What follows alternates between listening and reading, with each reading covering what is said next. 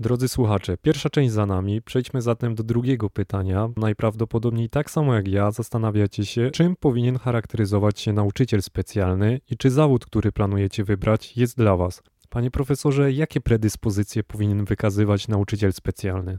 Wie pan, to, to, się, to się zmienia. Jak robiliśmy analizę, jaki nauczyciel, wychowawca jest ceniony w różnych placówkach i tak dalej, i tak dalej, to tam był ranking taki, który pokazywał te wszystkie cechy.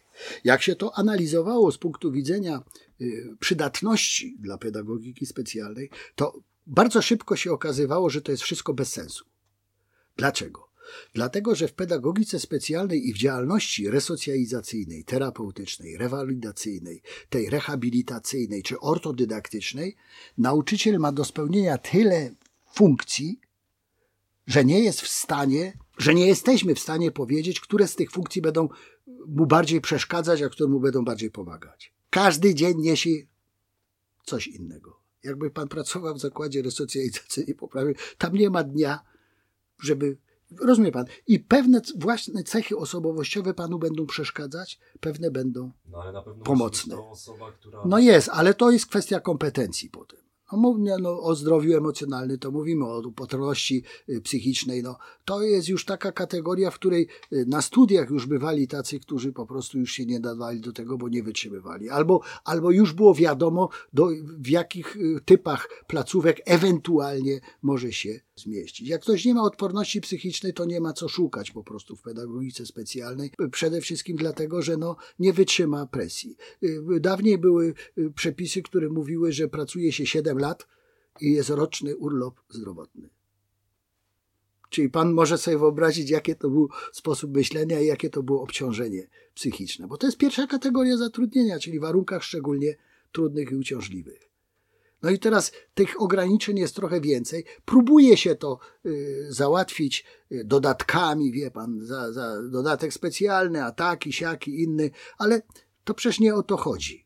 Jeśli mamy skutecznie, no, to musimy mieć, mieć raz umiejętności poznawania, rozpoznawania, czyli diagnostyczne. Proszę pana, jeśli to nie chcę, żeby pan powiedział, że to jest naukowe, dlatego że to jest kwestia polegająca na tym, że ja osobiście uważam, że takie rozpoznanie i sposoby patrzenia na człowieka i czytania w nim, w sensie takim cudzysłowie oczywiście, to jest tak po siedmiu latach pracy na, na pierwszym froncie. Niektórzy to mają a niektórzy przez całe życie tego nie. Czyli będą tacy, którzy jeśli popatrzą na zachowanie kogoś, to będą wiedzieć, w jakim kierunku to zmierza, jaki to jest typ zachowania, czy to jest opór, czy to jest reakcja taka. Rozumie pan? Klasyfikują.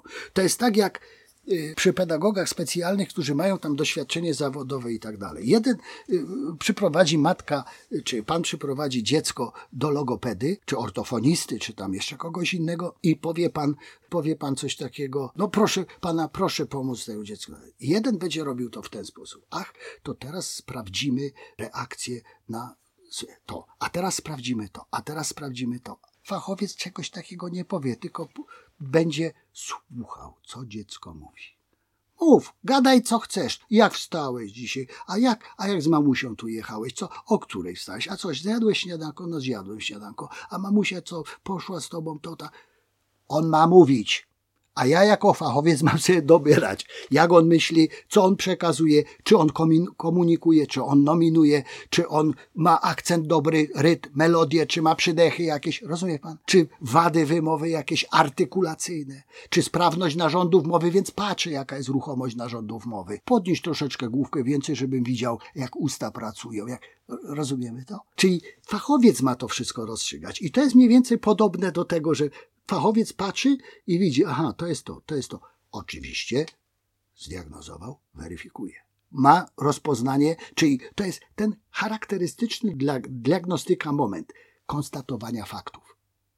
Zauważyłem pewien fakt i się zastanawiam, czy to jest to, o czym myślę? No to sobie mogę sprawdzić, tak? Czyli będzie diagnoza projektująca. No to jak zrobię to i to, to powinno się to zmienić, tak?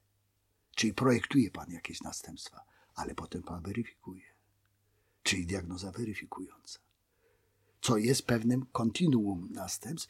I teraz proszę zwrócić uwagę na pewien szczegół. Ilość takich kółeczek, nim pan dojdzie do sedna, będzie decydować o tym, jakim pan jest fachowcem. Bo będą tacy, którzy popatrzy raz, już wie, zaprojektuje, wie, że to ma być tak i tak i zweryfikuje, wszystko działa. Jedno kółeczko zatoczy. Będą tacy, którzy musi zatoczyć dziesięć takich, żeby eliminować, eliminować drogą prób błędów, jeszcze tam czegoś innego. Też dojdzie do tego. Tylko, że nieco później.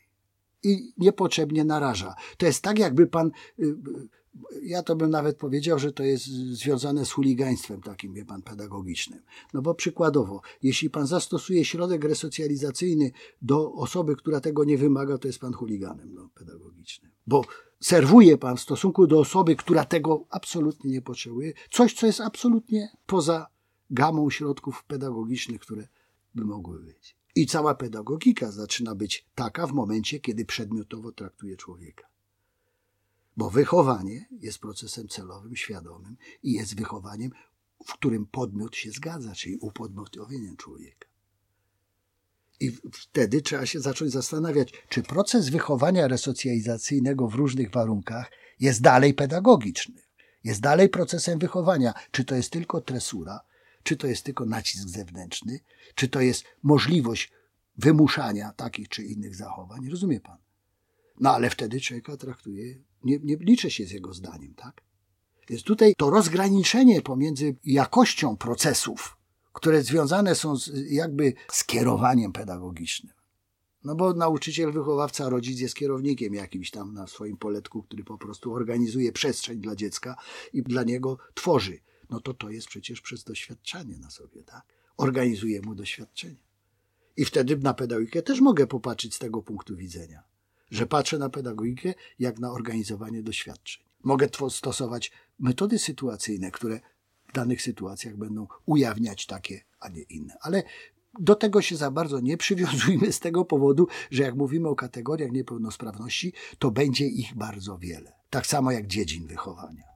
Drodzy słuchacze, na dzisiaj to już wszystko. Jeżeli dalej jesteście zainteresowani tematem pedagogiki specjalnej, zapraszamy Was serdecznie na kolejny odcinek podcastu, w którym wyjaśnimy, czym jest niepełnosprawność i jakie są jej kategorie.